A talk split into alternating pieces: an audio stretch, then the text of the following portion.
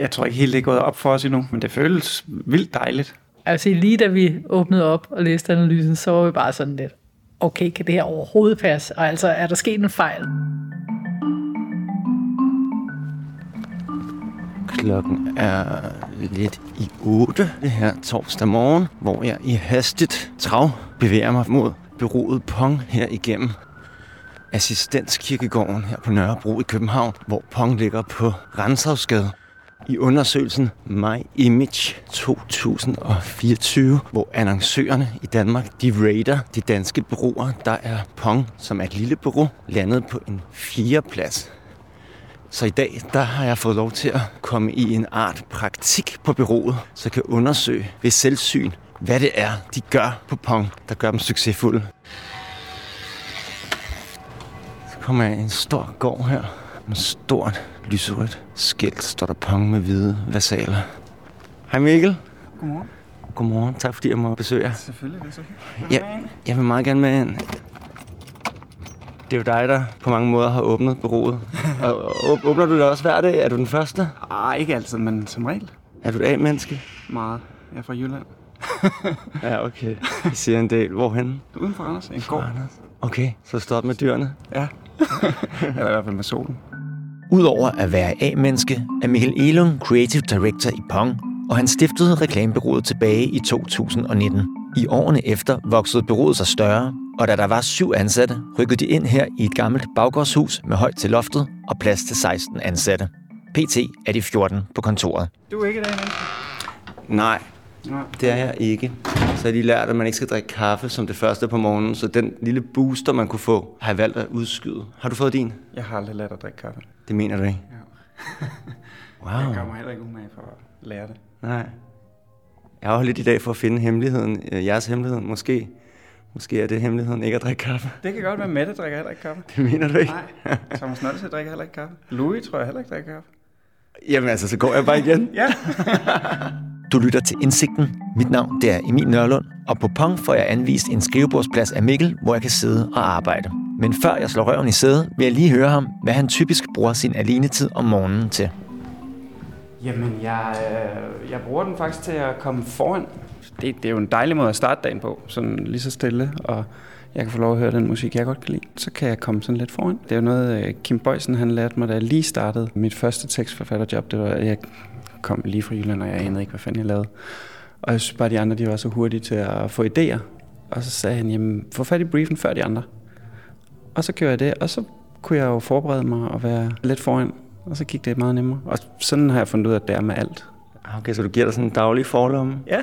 Hvordan opstod ideen om at skabe sit helt eget? Jeg har begyndt at lægge mærke til, at mine kunder var blevet meget dygtige. Altså, og meget dygtigere, end de havde været for fem år tilbage. Og derfor så, når det lykkedes at lave noget godt, så var det i et tæt samarbejde med dem, og de ligger inde med så meget viden, og også nogle gange gode idéer, fordi de arbejder med det her 40 timer om ugen, hele året rundt. Så selvfølgelig ved de meget mere, end jeg gør. De har også nogle gode idéer øh, i al den tid, de bruger på det. Og alt det, det kan man ikke skrive ned i en brief. Altså det er sådan noget, man skal samarbejde frem. Og jeg synes, at de bedste ting, jeg lavede, lavede blandt andet en masse på Interflora, og med Rådet for Sikker Trafik, det var ting, hvor det havde været et tæt samarbejde. Men jeg synes bare ikke, at den måde bureaustrukturen, den der traditionelle bureaustruktur var på, at den ligesom understøttede den måde at arbejde på. Fordi den kom måske fra en tid, hvor, altså lige da jeg startede i branchen, der var det jo bureauet, der ejede data, og det var dem, der kendte kunderne nærmest bedre, end brandsene gjorde var sådan lidt madman-agtigt over det, ikke? Men det har jo bare forandret sig, fordi alle kunder har jo fået deres egne datacentre, og lige så snart deres kunder gør et eller andet, så ved de, hvad det er, der sker. Og den viden har vi jo ikke som bureau. Så den der idé om at skulle være sådan et stort, altvidende bureau, som vidste mere end kunden, det synes jeg ikke gav mening længere. Og så var der også noget med den måde, man bygger sådan et traditionelt bureau, hvor hvis man vil være full service, jamen, så skal man have rentegner, man skal have programmører, man skal have performance, somi eksperter man skal have måske en in-house øh, videoproduktion, altså så, så det bliver sådan nogle meget store organisationer og meget store maskiner, som jeg synes var bygget mere til at kunne sælge mange ting, end på at kunne lave nogle virkelig gode kreative løsninger. Og det var det, jeg gerne ville. Godmorgen. Godmorgen. Sig hej til Emil. Vores journalistpraktikant. Goddag. øh, Godmorgen, Dennis. Godmorgen. Ja, jeg, jeg er journalistpraktikant, eller jeg er journalist i praktik. og du er her på bureauet. Ja, Hvad laver du? jeg er en kreativ art director. Ah, yes, yes. Kan man mærke det sådan på øh, stemningen, at der lige er kommet en ekstra god anerkendelse? Yeah. Ej, jeg synes egentlig altid, vi har ret god stemning. Men øh, jeg tror, alle er glade for det. Sig ja, Dennis. er vi ikke også glade? Uh, ja tak. Du, jeg tror du sagde, du ikke drak kaffe om Nej, morgenen. nej, men øh, nu er der snart gået en time. Nå, okay. Det, Så havde jeg da tilbudt dig en. nu kommer der flere. Ej, hvor smager den godt. Tak. Goddag, Mia. Jeg hedder Emil. Jeg har ikke nogen hænder fri, så du får et buk. Nu sagde du, at du havde haft navnet liggende i skuffen i ja. mange år. Hvad kom først? Navnet eller øh, den her idé til en ny bureautype? Navnet kom faktisk, dengang jeg tænkte på navnet for 15 år siden, så var det mest den kreative proces. Altså så var det pingpongen i det. Og så passede det bare på, at den proces også skulle omfatte kunderne her 15 år senere. Men klassisk, og nu må du correct me if I'm wrong, fordi jeg har været inde og smage på branchen på et tidspunkt, og du har været der meget længere tid og før mig. Men jeg synes, der var sådan en lidt en fortælling de forskellige steder, jeg har været om, at kunderne var et benspænd, og altid var lidt tunge at danse med, og faktisk kunne ødelægge alt det gode arbejde, vi sad og lavede. Mm. Har du også selv oplevet den fortælling tidligere?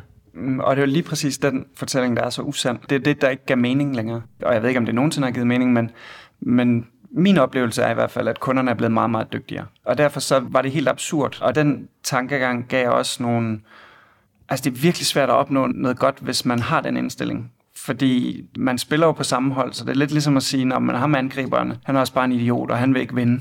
Så fungerer det jo ikke. Altså hvis man har mistillid og tænker, at de andre er dumme, eller de prøver at forhindre mig i at lave et eller andet godt, så er der jo noget galt. Så det var dels det her med, at der var nogle praktiske ting, som gjorde, at samarbejdet ikke blev optimalt, altså at man fik ikke al den værdi ud af kunderne, som man kunne. Og så, er- ja, så er det også den der tankegang, som jeg også har mødt, at ja, de er bare en forhindring for, at vi kan være geniale. Altså det, det, det synes jeg er meget underligt. Nå, men her sidder, der sidder Mette, og dernede sidder Thomas Nolsø, og sidder vores projektledere her. Og så har vi sådan et lille øh, hygge sofaområde, hvor man kan sidde og få gode idéer, eller falde i søvn, hvis man er meget træt. Må man godt tage en, en lur? Ja, det må man godt. Hvis man er meget træt, så bliver man nødt til det for at kunne komme i gang igen. Er det sådan nogle øh, fejringsposer? Nej, det var vores øh, julegave til vores kunder, der bare er nogle enkelte, der øh, ikke har fået endnu. Mm. Er det også champagne? Det er også champagne, og det er lyserød champagne. Alt er lyserødt. Ah, okay. Det så jeg godt på skiltet herude. Ja, borgerne. Er, er borgerne lyserøde? Ja, altså dem udenfor. Nå, jeg tænkte, jeg var blevet ekstremt farveblind. Nå ja. Ja. Hvad er der med den farve? Jeg, jeg tænker, at øh, da du starter det hele, jeg ved ikke, om du tager det valg allerede der, men Jo, der var ikke nogen lyserøde bureauer.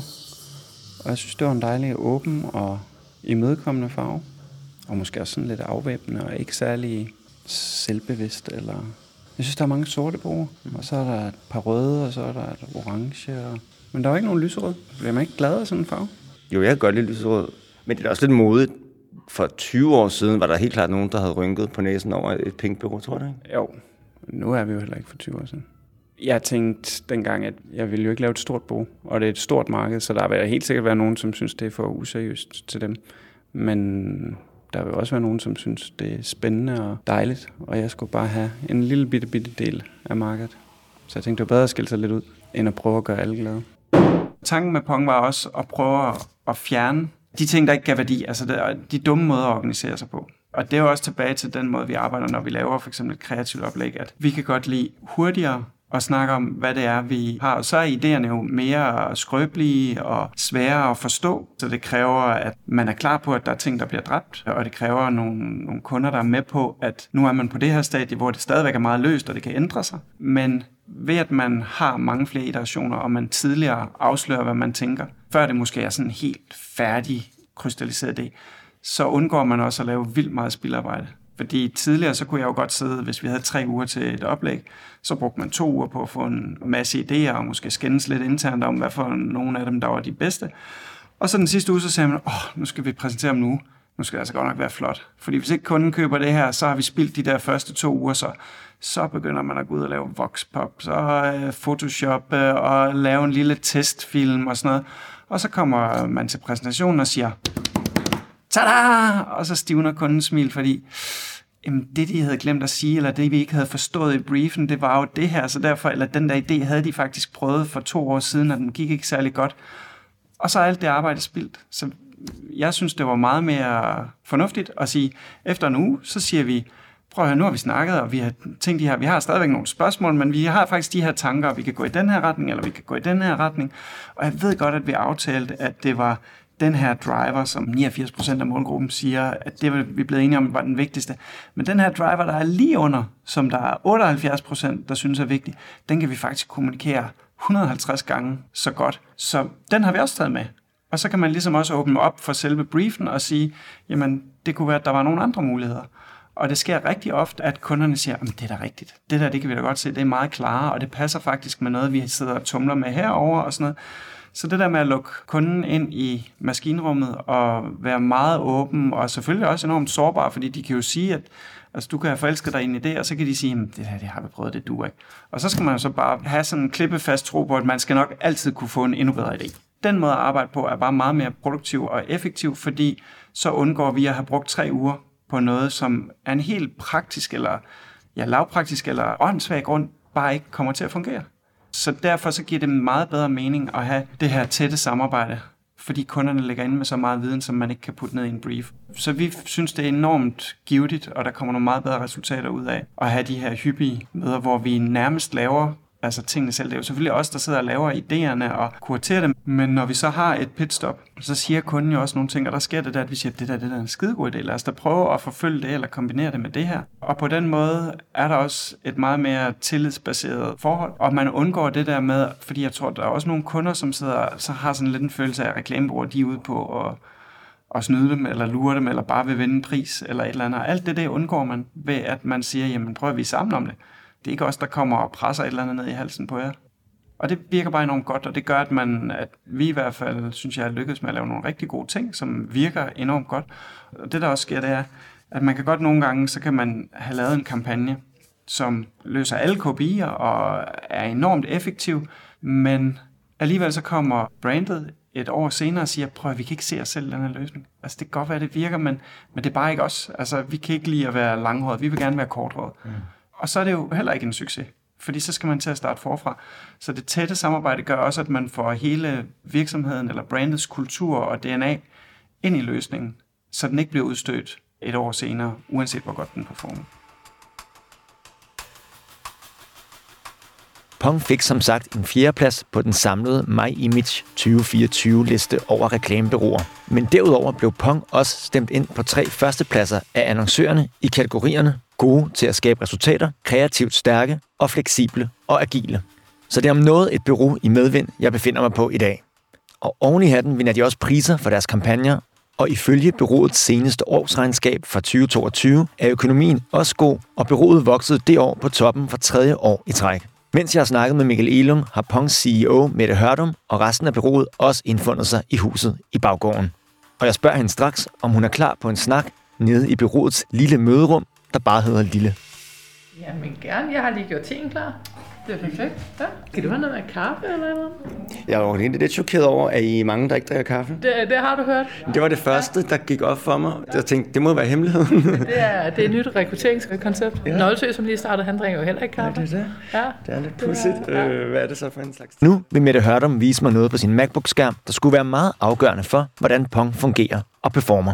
Hvad er det, vi ser på her? Vi ser på et tilopfundet booking-system af det kreative. Og allerede når jeg siger booking-system af det kreative, så lyder det helt forkert, fordi kongstanken bag ved det er faktisk, at det skal være så anti-booking som overhovedet muligt. Og give de kreative så meget frihed til selv at tilrettelægge deres tid som muligt. På mange bureauer, der er det kreative tid meget øh, detaljplanlagt. Så skal de bruge to timer på det og tre timer på det her, og så står der en ny projektleder med en ny opgave. Og det vi gør, det er egentlig, at for det første, vi registrerer ikke tid. Så vi ved ikke, hvor lang tid der bliver brugt på opgaverne. Men vi mener, at vi er så dygtige til at sige, hvad burde en øh, opgave tage og løse. Så ud fra det laver vi budgetterne. Vi laver faktisk meget detaljerede budgetter ned på timer. Men om vi så ender med at bruge nogle timer mere, fordi den lige skal være lige i skabet, eller vi nogle gange kommer til det lidt hurtigere, det går vi ikke op i. Så man kan sige, at vores kunder de betaler for det, som vi mener, det er værd, det arbejde, de får lavet det er jo stadig et overview over, hvad der bliver lavet. Ikke? Hvad, hvad, hvad, altså, hvad, Det, det, det, det her system, det gør, det er, at der bliver stadig hver uge lagt timer ind på opgaverne, så de kreative kan se, jeg skal lave de her opgaver, der er allokeret de her timer til det, så de ligesom ved, hvad der er budgetteret med, men der er ikke besluttet, hvornår opgaverne skal laves, og der er heller ikke nogen, der følger op på, hvad der reelt bliver brugt af tid. Hvis man som kreativ kommer aldrig træt om morgenen, så kan det godt være, at man gerne vil lave noget rimeligt produktionsagtigt arbejde, hvor man egentlig ikke behøver at bruge en helt stor hjernekapacitet, men at man virkelig skal sidde og finesse og sidde og, og nusse med tingene. Det kan også være, at man kommer pivfrisk og tænker, at det er nu, jeg kan crack de store idéer. Så de kan selv tilrettelægge, hvornår de vil lave opgaverne. De kender deadline. Det er ikke sådan en børnehave, hvor projektlederne står og siger, nu skal du huske, der er en deadline. Vi betragter alle som voksne mennesker, så det har de kreativt selv fuldstændig styr på, hvornår tingene skal være færdige.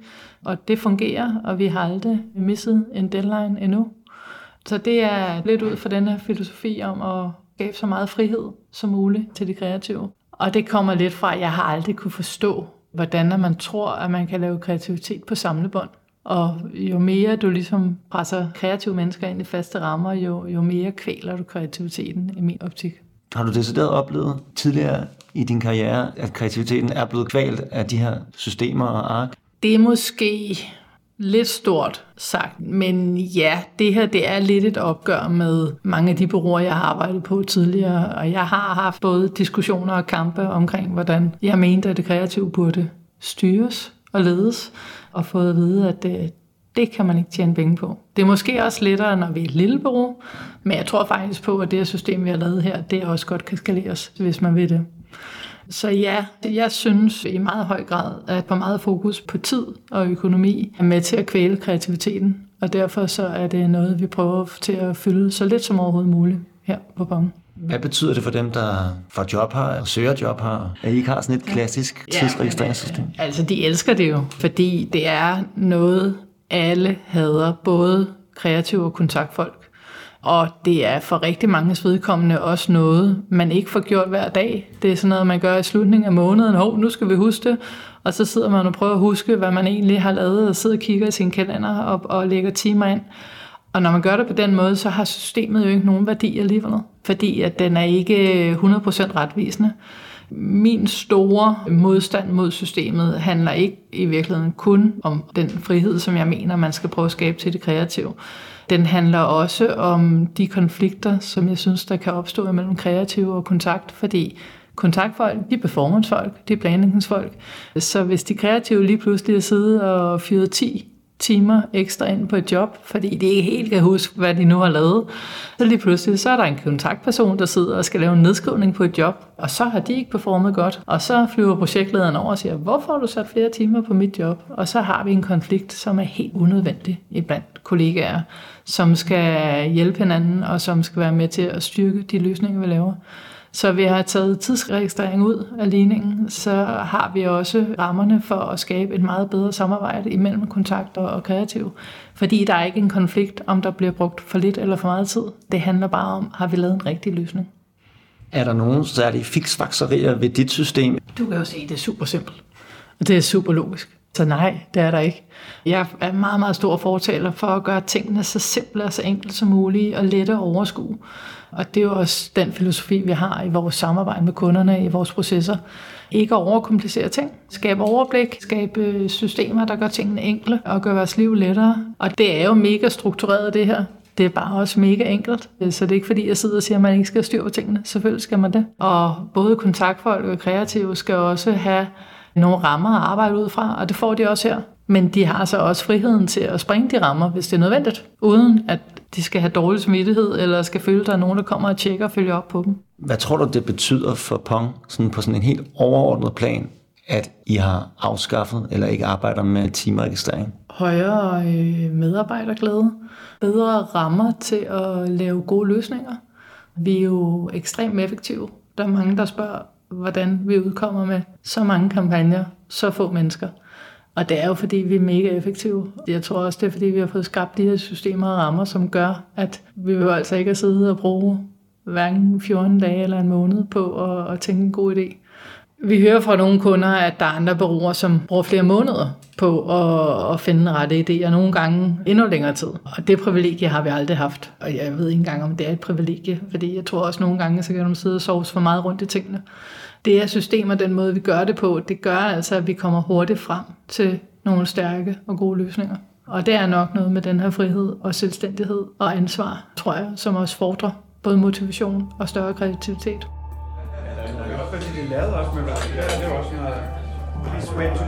Da klokken slår 12, er der frokost på Pong. Den løber af stablen, som de fleste andre byråfrokoster, med mad udefra. Efter frokosten kan jeg se, at solen så småt er begyndt at titte igennem det ellers massive skydække, og jeg får lov til at hægte mig på senior art director Christian Skyts daglige gåtur i nabolaget. Selvfølgelig med den skumle bagtanke at få hans syn på, hvad der er anderledes ved Pong, men også hvordan han har det med at arbejde uden timeregistrering. Christian, kan du mærke meget forskel på viben på Pong i forhold til, hvor du ellers har været og arbejde på bureau? Altså det, hvor jeg kan mærke den største forskel, er egentlig bare... Altså jeg ved jo ikke, hvorfor det nødvendigvis er sådan. Men jeg synes bare, der er bare mere momentum måske. Jeg ved ikke, om det er sådan en positiv spiral, altså at kunderne er klar på at lave sjove ting, og så laver vi sjove ting, og så er der endnu flere kunder, der er klar på at lave sjove ting, på en eller anden måde. For mit sådan snævre point of view, der er det jo bare egentlig, når det er nogle sjove opgaver, og der er flere af dem, og der er, idéer bliver taget godt imod. Altså det er det, jeg oplever, ikke, kan man sige. Jeg ved ikke, det er jo bare nice. Jeg gætter på, at du kommer fra et sted, hvor der er timeregistrering. Ja. Hvordan er det at arbejde uden det? Det er mega dejligt. Man glemmer, at det er en ting, der findes. Og tit så opfinder man ting at skrive ind, fordi at man måske har, man har ikke lige, åh, man kan ikke lige huske, hvad man har lavet, og det farlige er jo, at man bliver vant til ikke at timeregistrere, og så, så er der no going back, vil jeg sige. Det vil jeg faktisk sige, det er sådan, for mig, det er sådan, i forhold til at arbejde på pang, det, man kan, jeg kan ikke sætte en finger på noget, der, der ikke er nice. Hvis man først har vendet sig til, at det er nice, så er det måske svært at, at ja, arbejde et andet sted, måske. Vil du øh, anbefale andre byråer at skrotte deres øh, timeregistrering? Det lyder som, det betyder meget for dig. At, øh, ikke er det, det ved jeg ikke. Jeg ved ikke helt, hvad man egentlig sådan helt bruger det til egentlig. Altså, jeg går ud fra, at der er en grund til, at man gør det, fordi at der er ingen, der synes, det er fedt. Det ved jeg ikke, det ved jeg ikke noget om. Men jeg synes i hvert fald, det er dejligt ikke at gøre det. Min oplevelse er måske lidt bullshit. Der er meget af det, hvor man bare sådan, åh, du ved, skriv to timer på det her, så man har brugt en time. Eller... Kan man bedre gå sådan en tur med god samvittighed, når man er på Pong, end du har, hvis du nu har lyst til at gå en tur, da du arbejdede andre steder? Øhm... Du kan vel ikke fakturere en god tur? Ja, man, jeg vil sige, man kan også godt gå en tur på DDB. Men, men ja, men det er et meget godt spørgsmål egentlig. Uh, men der, der kommer det der bullshit lidt ind igen. Ja, bullshit, jeg kan ikke sige, at det er bullshit. Jeg siger bare, at uh, hvis man har gået en tur i en halv time, så skriver man jo bare, at man har lavet noget andet i en halv time. På en eller anden måde, ikke? Man kan ikke skrive, jeg har gået en tur. Det kan man ikke, det er det, vil sige. Jeg har gået en inspirationstur. Den holder ikke? Uh, det ved jeg ikke, det tror jeg ikke. det tror jeg ikke. Efter gåturen har jeg sat to andre af byrådets kreative stævne i Pongs store mødelokale, der bare hedder Store. Det drejer sig om Louis Pilmark og Ulrik Jessen, der begge har titlen Creative Director. Jeg vil gerne blive klogere på de kreative løsninger, som Pong bedriver, der både begejstrer kunderne og danskerne. I sidder begge to scroller i vildskaben ned af jeres egen hjemmeside for at kigge på cases fra byrådet. I jeres øjne, hvad er en rigtig kreativ Pong-løsning? Der er jo mange fine, man gider jo ikke øh, vælge noget, man selv har været inde over. jeg, jeg synes, en af dem, der har udmærket sig rigtig fint, det synes jeg er Sundhedsstyrelsen med 80'er-temaet, med hvis du kan genkende det her, så skal du nok have en vaccine. Der synes jeg, det visuelt er, er sjovt, og det er et dejligt tilbageblik på en masse fede ting. Jeg synes, det, det, det er et fedt koncept. Kan du lige rise konceptet øh, lynhurtigt op? Jamen, det er jo sådan en, en, nogle 80'er situationer, blandt andet en, som øh, skal aflevere sin øh, moviebox, eller nogle film tilbage, og en moviebox, ja, og så får han så en bøde, fordi de ikke er spolet tilbage på 15 kroner, som afleveres i tre flotte femmer.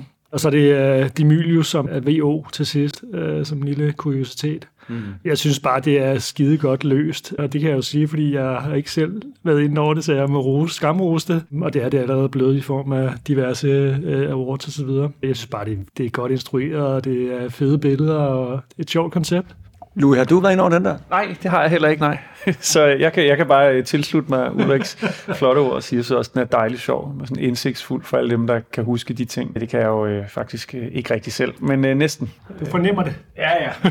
Man har set det, man har set det engang. Kan det godt fungere lidt som en, øh, en nordstjerne for arbejde her på byrådet?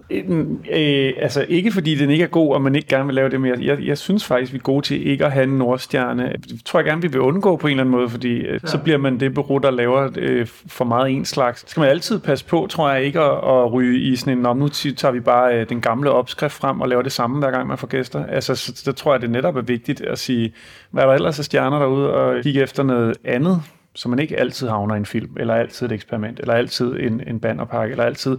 Det kan jo være alt muligt forskelligt, der løser det. Mm. Så det vil jeg synes var federe måde at gøre det på, tror jeg. Hvordan går I anderledes til de kreative opgaver her på Pong end andre byråer? Jeg ved, at kunderne hører jeg i hvert fald, er ret tidligt inde i processen.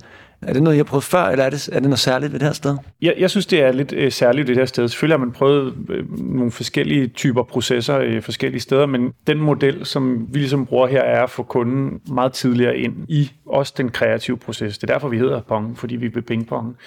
Og kunderne ved så meget mere om den problemstilling, de står for, eller om deres produkt, eller hvad det er, vi skal kommunikere og gøre.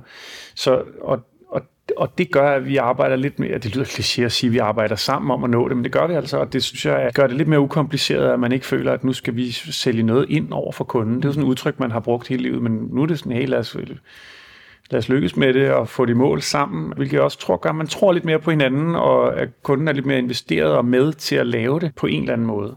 Og det gør også, at man kan starte lidt tidligere, og måske også prøve at åbne viften lidt for løsninger lidt bredere, og til gengæld også have lidt flere ting med til det første møde, det her pitstop eller tissue session, eller hvad jeg skal kalde det. Derfor tror jeg også, at hvis man har bredt øh, viften mere ud til at starte med, er der også større sandsynlighed for, at man kommer ud i kronen eller nogle andre steder hen, eller at det bliver lidt mere anderledes, eller frisk, ja. eller sjovt, eller vildt, eller ja. Som Louis siger, vise min vifte af, af muligheder fungerer ret fedt, selvom det var noget, jeg skulle vende mig til, fordi jeg var vant til fra tidligere at komme med en eller øh, to højst nærmest, og så blev beslutningen taget der. Nu er det, sådan, nu er det stadig work in progress, selvom man kommer med x antal øh, mulige løsninger. Det skaber bare sådan et, et, et, et godt samarbejde, hvor kunden ikke føler sig nødsaget til at vælge et eller andet, øh, selvom de måske godt kunne tænke sig at se noget mere. Eller, så det bliver sådan en mere flydende proces, øh, og det, har jeg, det, har, det må jeg indrømme, det har jeg lært at holde af.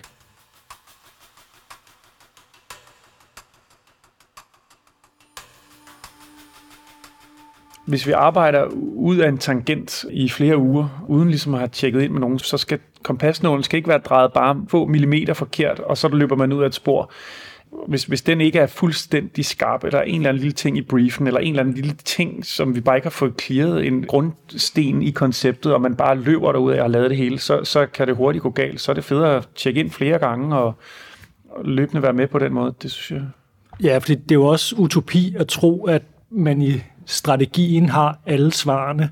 Mange gange så laver strategien så også, øh, man kan godt have nogle, nogle, nogle ting at arbejde ud fra, men strategien den udfolder sig jo også, når man ser nogle tanker, fordi det er jo ikke alt, der kan oversættes, bare fordi man har tænkt det på side 1 i præsentationen.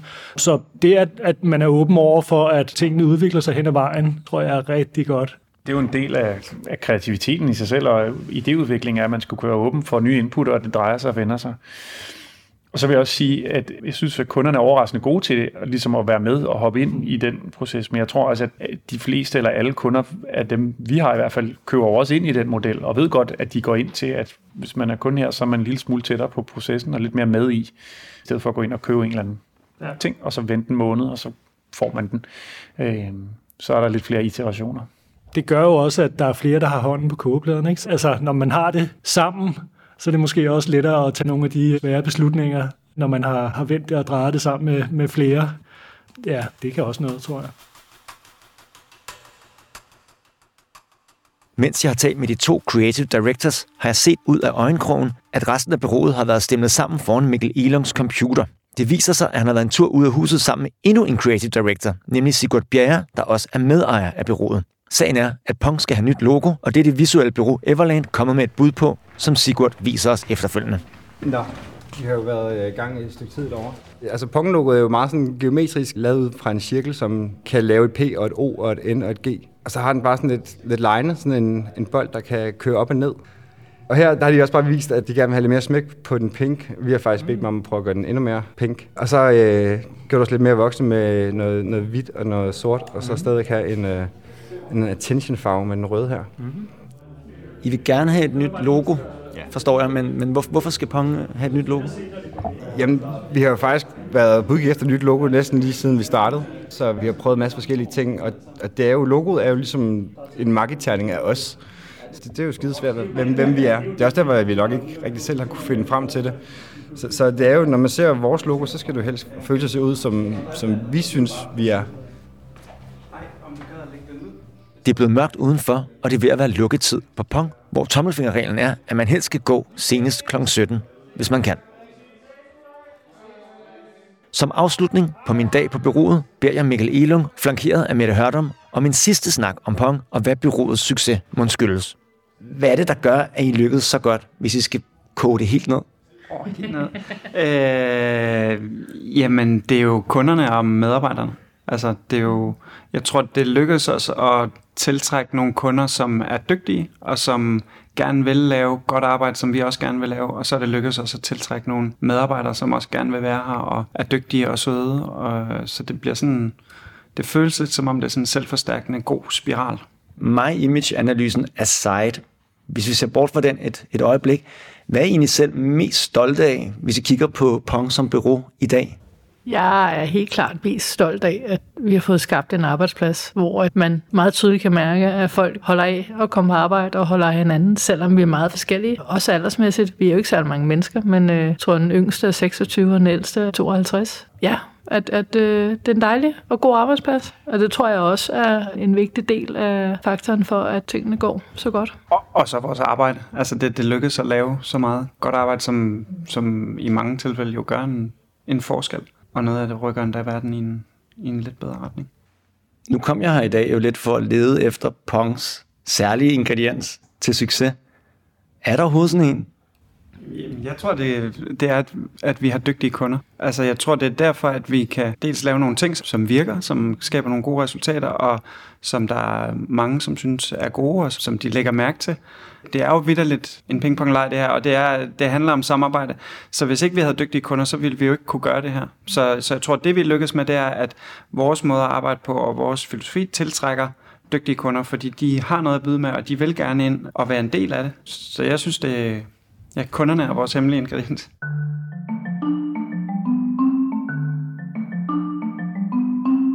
Mange tak til Mette Hørdom, Mikkel Elung og resten af Pongholdet for at åbne dørene for mig og min mikrofon. Mit navn det er Emil Nørlund, og du har lyttet til Indsigten, en podcast af mediet Markedsføring. Nu er det efterhånden et par dage siden, at jeg var i min praktik på Pong for at finde byrådets secret sauce. Og hvis jeg skal komme med mit eget bud på, hvad Pongs hemmelighed er, så er det ikke at drikke te eller vand, i stedet for kaffe. Og jeg tror heller ikke nødvendigvis, det kan koges ned til kun dygtige kunder. Jeg tror, at Pongs særlige ingrediens og hemmeligheden bag byrådets succes er tillid.